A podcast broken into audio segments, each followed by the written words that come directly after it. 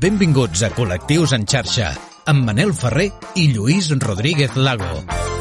Benvinguts al Col·lectius en xarxa. Volem dedicar el programa d'avui a un tema que sembla que afecta sobretot a homes gais i bisexuals i que pot portar-los a prendre decisions que poden afectar a la seva salut física i també mental, Lluís.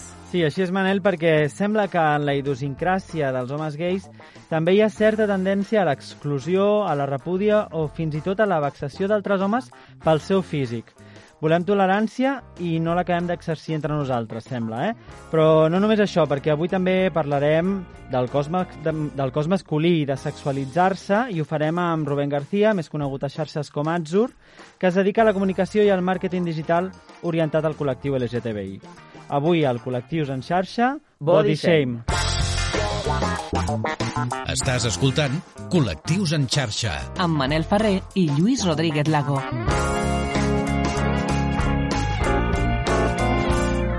I és que avui ho acceptem, hem volgut anar de moderns i posar el nom del programa en anglès, no? Sí. Perquè per això doncs, haurem d'explicar què vol dir el concepte body shame o body shaming eh, que dona nom a l'episodi d'avui del programa, com dèiem, i que vol dir avergonyir algú per al seu cos, que és un tema molt seriós. Eh? Destacarem avui al col·lectius que a vegades aquesta intolerància té l'origen en nosaltres mateixos, També no en els altres, sinó en nosaltres eh, mateixos. Uh eh? -huh. Segons les xifres més recents publicades per l'Associació Britànica de Cirurgians Plàstics i Estètics, el 2018 es van realitzar 179 abdominoplàsties en homes Que un això és marcar els, 18%. els, els pectorals, no, sí, bàsicament? Exacte, és posar-se el six-pack. El six-pack, eh? els quadradets, eh? els quadradets. Estem internacionals. Sí, sí. Uh, un 18% més que l'any anterior.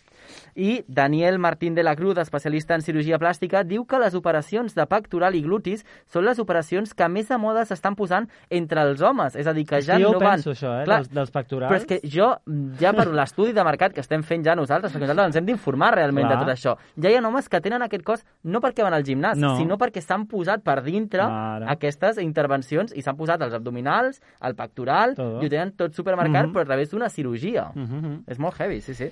La revista Attitude, no, en una enquesta recent, explica que el 84% dels encastats va dir que sentia una intensa pressió per tenir un bon cos. Només un 1% es considerava molt feliç amb la seva aparença. Segons l'editor en cap d'Attitude, Matt Kane, hi ha una epidèmia d'homes gay que es fan selfies, eh, això ho diu ell, sense eh, samarreta al gimnàs, desesperats per buscar la validació externa, sobretot d'altres homes gais. És a dir, que l'aprovin la resta de persones, Exacte. no? Fixa't Mhm. que al final la felicitat teva passa per el que opinaran Pels els altres de, altres, de tu, eh? sí. El 2014, l'International Journal of eh, Eating Disorders va trobar que els homes gais o bisexuals eren tres vegades més propensos que els homes heterosexuals a tenir problemes d'imatge corporal. Sembla que és el contrari per les dones. Un estudi del 2013 informava que les dones lesbianes manifestaven menys insatisfacció corporal que les dones heterosexuals. Sembla que les dones lesbianes, que sempre hem dit que pateixen aquesta doble discriminació, són molt més eh, conscients de la pressió que reben des dels mitjans de comunicació per assolir uns cànons de bellesa determinats i això en part eh, les fa ser més lliures. Ara justament estava pensant, Lluís, en un anunci de iogurts, que no direm la marca, que diu, és el momento de enseñar la barriga. I surten estómacs però que no són normals, tan plans, Mm. tan plans que no són ni naturals gairebé, no? I és com, això, eh? ostres, mm, bueno, s'aixecarà la samarreta de tothom, però tothom no té el cos aquest que Ara. estem veient a l'anunci, Mhm. no? I Mhm. fixa't que és uns iogurts, o sigui, Sí, que aquí sí, no hauria d'haver no tampoc enllà. una gran Sí, cosa. ara. Doncs ja t'estan marcant com hauria de ser el teu cos quan et treguis la samarreta per anar a la platja o anar a la Mhm. muntanya, no? Mhm. Les persones LGTBI corren un major risc de desenvolupar problemes de salut mental amb un nou informe que suggereix que fins al 40% de, de la comunitat LGTBI de Londres pateix aquest tipus de problemes. Perquè els pols oposats també s'atreuen. Escolta Col·lectius en xarxa. I és que fa un temps en aquell programa van anomenar per sobre un reportatge de la BBC de Londres que portava per títol Too Ugly to be Gay eh, i que venia a ser bàsicament massa lleig per ser gay. I és que sembla que aquest va ser el comentari que va acabar fent que un dels protagonistes d'aquest reportatge intentés suïcidar-se. Mhm. La Fundació LGTBI amb seu a Manchester alerta sobre que els problemes en relació a la imatge i al físic en la comunitat gay s'estan um, estenent molt perillosament. Exactament. Aquesta fundació ens explica que les persones gais i bisexuals són molt més propenses que els homes heterosexuals a patir trastorns alimentaris o lesions derivades d'una pràctica poc sana d'esports o de la ingesta o consum d'esteroides. Durant la investigació de la BBC per la realització d'aquest reportatge, diversos homes gais van dir que farien esforços extrems per canviar-se de cos, inclús, eh, com dèiem, l'ús d'esteroides i la cirurgia plàstica per ser acceptats per als altres nois gais. És a dir, portarien tot a l'extrem a canvi d'aquesta acceptació externa, no? Ah, Exacte. Diversos homes també van explicar a la cadena que la pressió de les plataformes de xarxes socials i les aplicacions de cites podien agreujar els problemes corporals. Avui tornem a fer aquell experiment social que m'agrada tant per exemplificar això que dèiem i que després anirem una mica més enllà. He seleccionat un altre cop dues fotos del perfil d'Instagram d'un amic. A la primera surt només ell, des, eh, després de, eh, parlarem de què passa quan surts acompanyat de la teva Ah. parella o, o d'una altra persona, no? En una fa, eh, la foto que he escollit primera surt eh, pràcticament nu i té més de 20.000 eh, likes, uh -huh. mentre que la segona, que és d'un paisatge, no arriba a 1.500 eh, m'agrada. 15.000 m'agrades menys per no sortir ell Clar, amb no, no més, eh? eh? quasi, O no, més. Sí, 18.000 Sí, sí, quasi, 18.000, eh? sí, sí. He fet una investigació, no, et deia, no he fet una investigació superexhaustiva, però detecto que el nombre de like disminueix substancialment quan el meu amic surt a la foto amb la seva parella, encara que els dos surtin en roba interior. Perquè això vol dir d'alguna manera que està dir- pillant l'altre, Ah, no? I per tant no pots accedir-hi, no? Sí. Uh, els nois amb un determinat eh, tipus de cos reben l'atenció i els comentaris de les xarxes i a més a més amb Instagram eh, la mateixa aplicació promociona i retroalimenta aquest fet, no? perquè un cop li dones eh, like a un d'aquests nois, a un d'aquests perfils, te n'apareixeran més per una qüestió de l'algoritme de Mhm. l'aplicació. No? Com dèiem, un dels protagonistes d'aquest reportatge de la BBC va començar a fer ús d'esteroides per augmentar de volum, però resulta, que jo això tinc Sí. poca cultura d'esteroides i no ho sabia, que són substàncies addictives i el van portar, van portar aquest noi a patir una insuficiència cardíaca. Eh, sembla que ens passem el dia parlant de tolerància i d'acceptació, però després som persones bastant horribles entre nosaltres i amb nosaltres mateixos. No? L'altre dia llegia que Matthew Todd, que era un antic editor de la revista Attitude, de la que ja hem parlat, deia que algunes aplicacions de cites per homosexuals sembla que la gran majoria d'usuaris siguin supermodels eh, de Calvin Klein. Mhm. I jo això ho he sentit entre les Sí? meves amigues. Sí, quan allò que penges una foto Sí. de, de la colla d'amics a, Sí. a Insta... Jo tinc amics molt guapos, és veritat, eh? però, però Vagi per endavant, no? Vagi per, vagi per davant. Però m'havien dit, sí, és veritat.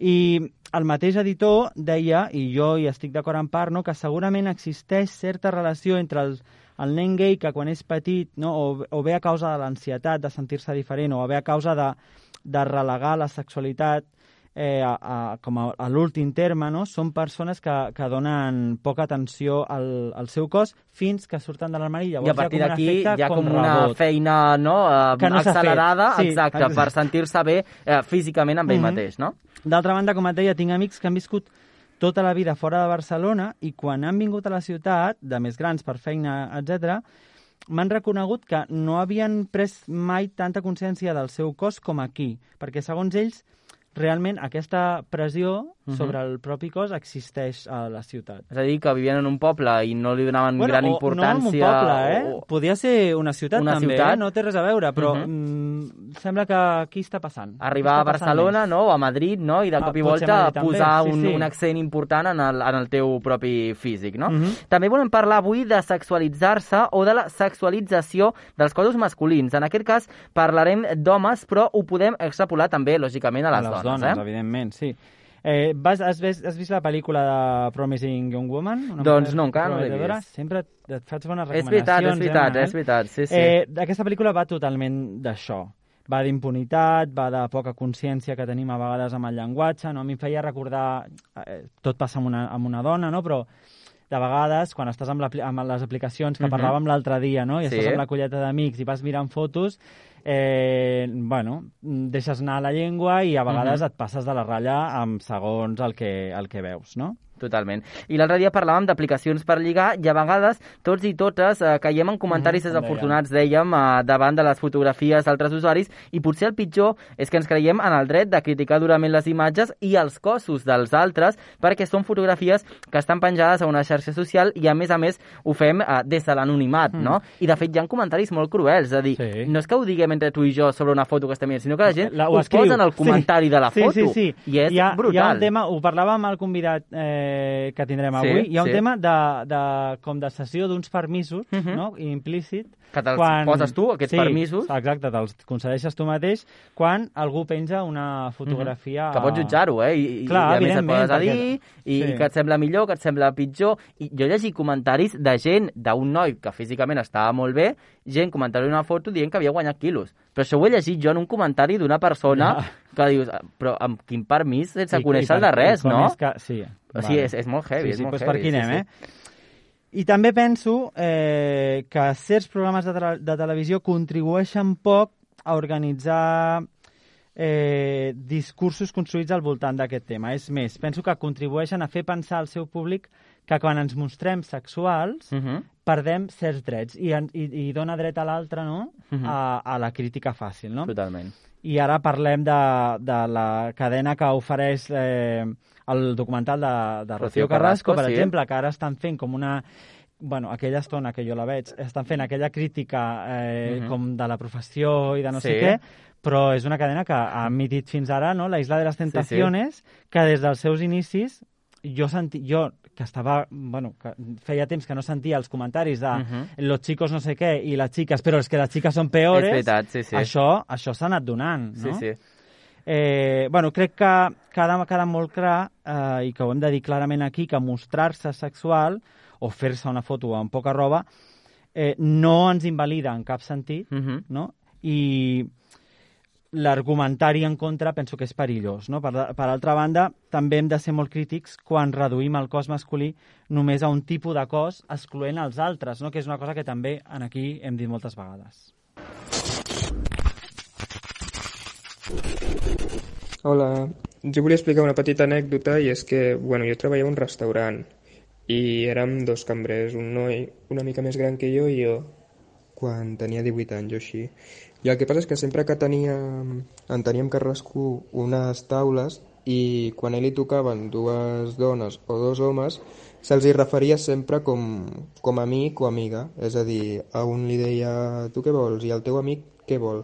I en canvi, quan venien un noi i una noia, ja siguessin joves més grans, els deia que voleu parelleta, no sé què, i feia bromes.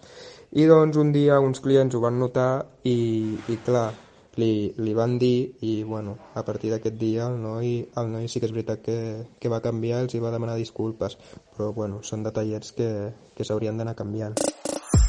Segueix-nos a les xarxes. Busca'ns i recupera tots els nostres programes, imatges i vídeos exclusius. Col·lectius en xarxa, a Twitter, Instagram i a les principals plataformes de podcasting.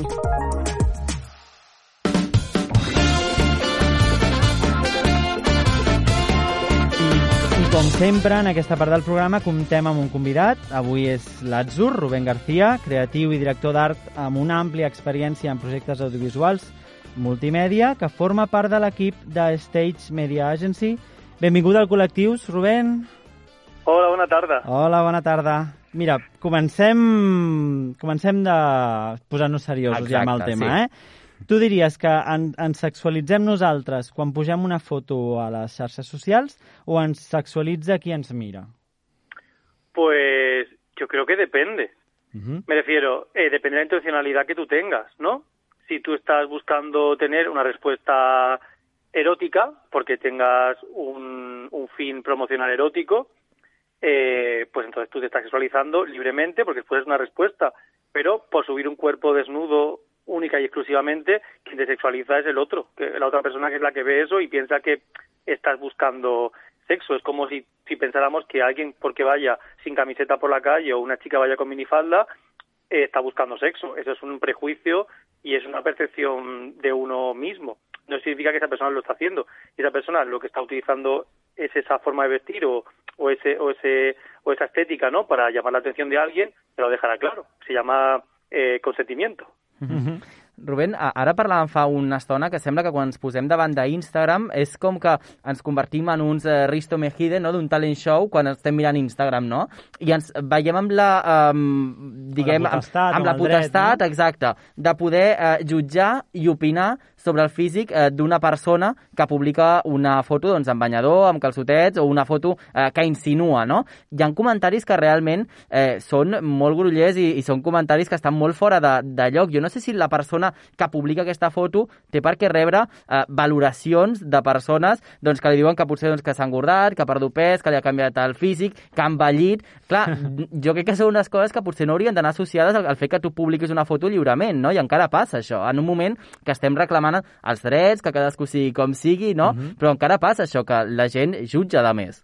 Yo creo que hacer comentarios sobre el físico de los demás sin, sin que nadie te haya preguntado es una falta de educación. Total. Total. Y aparte, cuando haces comentarios que contienen un punto agresivo o pernicioso, o pernicioso, perdón, eh, es una cuestión de body shaming.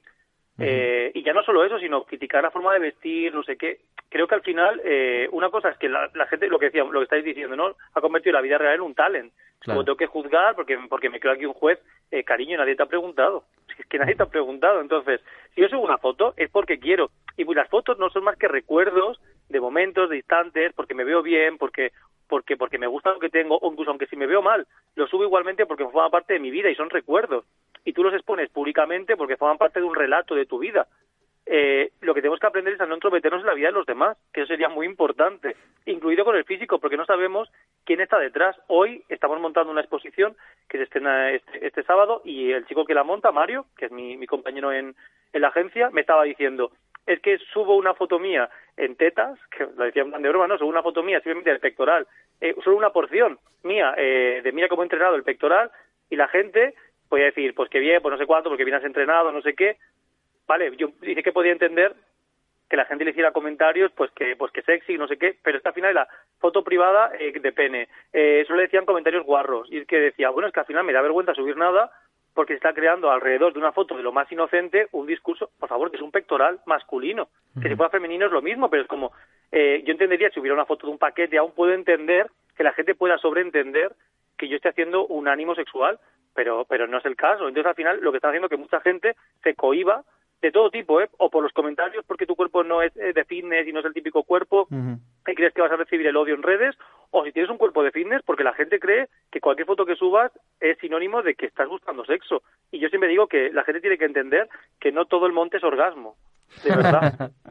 Nos guardamos la frase, eh, Sí. Lluís? Mira, hablando de frases, perquè l'altre dia, quan preparàvem una mica el programa, em deies allò de que eh, naixem nus i tota la resta és drac, no? Sí, claro, Explícame. porque creo, creo que eso es muy importante y me parece, bueno, en general, mm, RuPaul Drag Race me parece un programa muy importante para la vida en general.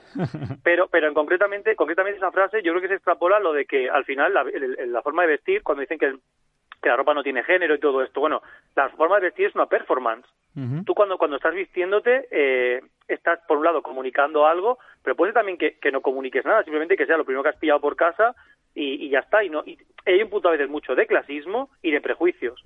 Tú ves a alguien de una forma vestida, ya opinas sobre esa persona, o también la falta de ir vestido. Incluso también te, te comentaba, ¿no? Lo de, incluso cómo vaya, cómo vaya, si va depilado, si no va depilado, si va depilada o no. Sea, hay toda una serie de, de, de- de formas de juzgar que es muy absurdo. Por ejemplo, pensar que una mujer que no vaya depilada tiene problemas de higiene. Claro. Eh, es, es como, como muy surrealista, ¿no?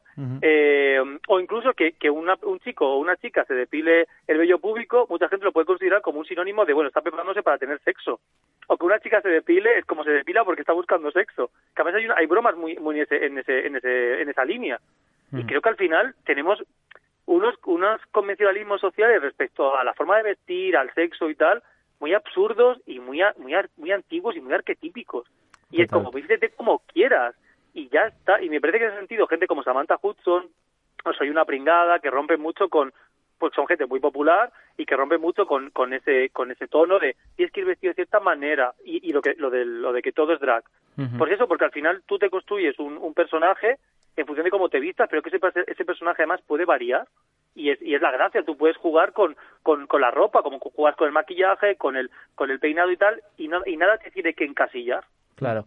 Rubén, es muy curioso porque mm, hablábamos y justamente Luis hacía referencia pues a los algoritmos de, de, de Instagram, ¿no? Es decir, si das eh, me gusta a un perfil de, de, fotos que son chicos sin camiseta, chicos con un físico eh, impresionante o no, porque al final hay gente que tampoco tiene por qué gustarle ese tipo de, de físico. Nos estamos perdiendo personas que seguramente tienen el mismo o mucho más talento simplemente porque no encajan con este canon que se está instalando en redes sociales, ¿no? O sea, hay perfiles muy interesantes y que están perdiendo visibilidad por culpa de estas cosas.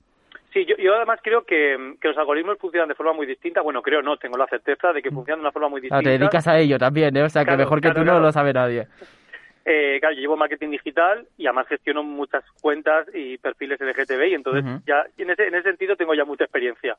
Instagram, eh, además hay muchos artículos al respecto, eh, prioriza las fotos sin camiseta, eh, muy luminosas y eh, con escenas que, que evocan eh, playa, bañador y tal, porque muchos de sus sponsors están relacionados con eso. Entonces, eh, les, les, interesa mucho poner publicidad pues, de fitness, eh, de temas eh, de dietética, de moda y tal. Y sobre todo hablaban de, de la hipocresía de, de, que ellos ajustaron los algoritmos en función de los de Victoria's Secret. Mm. Porque tenían que encajar con, con, con esas, esas modelos y todo lo que saliera de, de esas modelos eh, directamente Instagram lo, lo censuraba. Y la gente hizo las pruebas y se dieron cuenta que era real y que además hay varios artículos y varios vídeos sobre, sobre ese tema. En cambio, en Twitter eso no ocurre. En Twitter puedes encontrarte con haters controls, pero no hay ese tipo de algoritmos. Uh -huh. En cambio, Instagram sí que premia de una forma bastante um, preocupante solo un tipo de físico. Y de hecho, gente que, que en Instagram tiene muy pocos seguidores, en Twitter tiene a lo mejor 20 veces más, 30 veces más.